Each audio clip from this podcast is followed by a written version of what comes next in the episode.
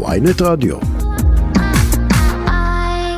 פרופסור סלמן זרקא, פרויקטור הקורונה, מנהל המרכז הרפואי זיו בצפת, שלום לך. בוקר טוב. אז חשבנו שאנחנו ניפרד כידידים, אבל מסתבר שהקורונה עוד כאן. אז אנחנו רוצים, אנחנו מבינים שההחלטה הראשונה של אה, שר הבריאות, אה, של דרעי, כניסת זרים מסין בכפוף לבדיקת קורונה. אז אולי תשתף אותנו בנתונים שהביאו להחלטה הזו. אה, המצב בסין מטריד. יש שם באופן הייתי אומר, לא מבוקר, ההחלטה של הממשלה בסין, של הנשיא של סין, לפתוח את הגבולות ולהפסיק עם הסגרים, הביאה לכך שיש השתוללות רבתית של ההדבקה בסין. יותר מכך, המוטרדות היא שסין הפסיקה לדווח לארגון הבריאות העולמי על כמות החולים, על כמות הנפטרים, על כמות הנדבקים, ויש הרבה השערות שמדי יום אה, קרוב למיליון איש נדבקים בסין וקרוב ל-9,000 איש נפטרים בסין ובמצב הדברים הזה אה, כל העולם עובר לאיזושהי זהירות. אני הגדרתי את זה וכאילו סין מערבבת מחדש את המגיפה. כן. אה, זה שכולם נדבקים שם ואפשר שכולם ייסעו גם לחו"ל, אז אה, מה שזה קרוב לוודאי יגרום לעליית תחלואה בכל מדינות העולם. אבל זה נראה שהחיסון שלהם לא אפקטיבי. כלומר, שחלק מהתחלואה הקשה היא בגלל שהחיסון לא אפקטיבי, לא? החיסון הסיני הוא פחות אפקטיבי מהחיסונים שאנחנו קיבלנו. אנחנו מדברים שם על יעילות של קרוב ל-50-60 אחוז במקרה הטוב. לעומת 90 אחוז, נכון? שאנחנו קיבלנו. זה שאנשים נסגרים בבית במהלך תקופה מאוד ממושכת, קרוב לשלוש שנים, והם לא נדבקים, אז גם הסיכוי לפתח חסינות העדר שיכולה לנבוע מהדבקה ומהחלמה, גם זה לא מתממש. Mm, ואז הסיבה. באופן uh, מיידי לאפשר לכולם להיפתח בלי שום ביקורת, בלי שום בקרה, ובשמיני לינואר כל מי שרוצה לנסוע לסין יכול להיכנס לסין בלי בידוד, mm-hmm. ובשמיני לינואר כל הטיסות הישירות של סין לעולם מתחדשות, אז אנחנו לגמרי מעריכים שהולכת להיות תחלואה גבוהה בהשפעת הסינים. ומה ההמלצה שלך? ואנחנו הכי מוטרדים, כי בהיקף הדבקה כזה גבוה יכול להופיע עם וריאנטים חדשים, וזה הכי מדאיג את העולם המערבי ובטח אותנו. אז לאור המצב הזה, ויש לנו, היום אנחנו ב-1 בינואר, אז יש לנו בדיוק שבוע להיערך לפתיחת הדלתות הסינית הגדולה.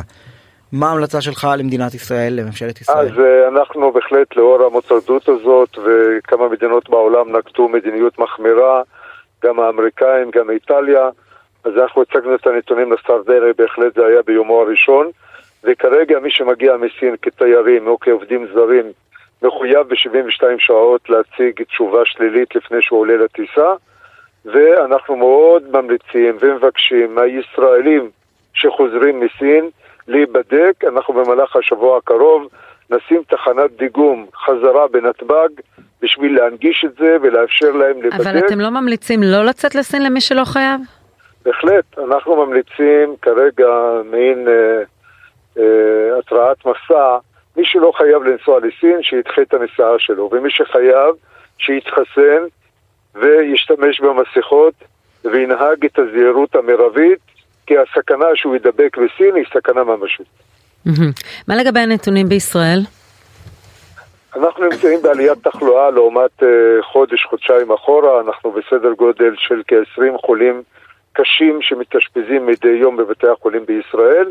אחרי שהכרנו ימים טובים יותר של שלושה, חמישה מקרים, אז בסדר גודל של uh, כ-20 מקרים, והחורף uh, כבר כאן, אנחנו חוששים שגם התחלואה בישראל תעלה, כמו שעלתה באירופה, ולא בכדי יצאנו בקמפיין ובהמלצה לאנשים בסיכון להתחסן.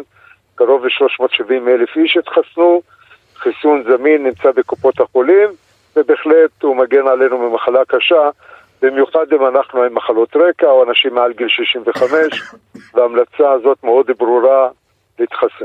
אני חוזרת על עצמי ואני שואלת אותך כל פעם על הטעם בבידוד.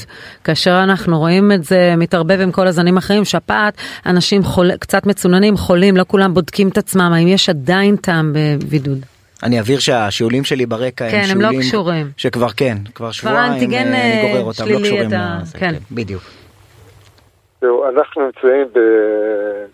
אנחנו מנסים לנרמל את הקורונה ולהפוך אותה למחלה שמטופלת דרך קופות החולים ולא צריכה איזשהו ריכוז מרכזי.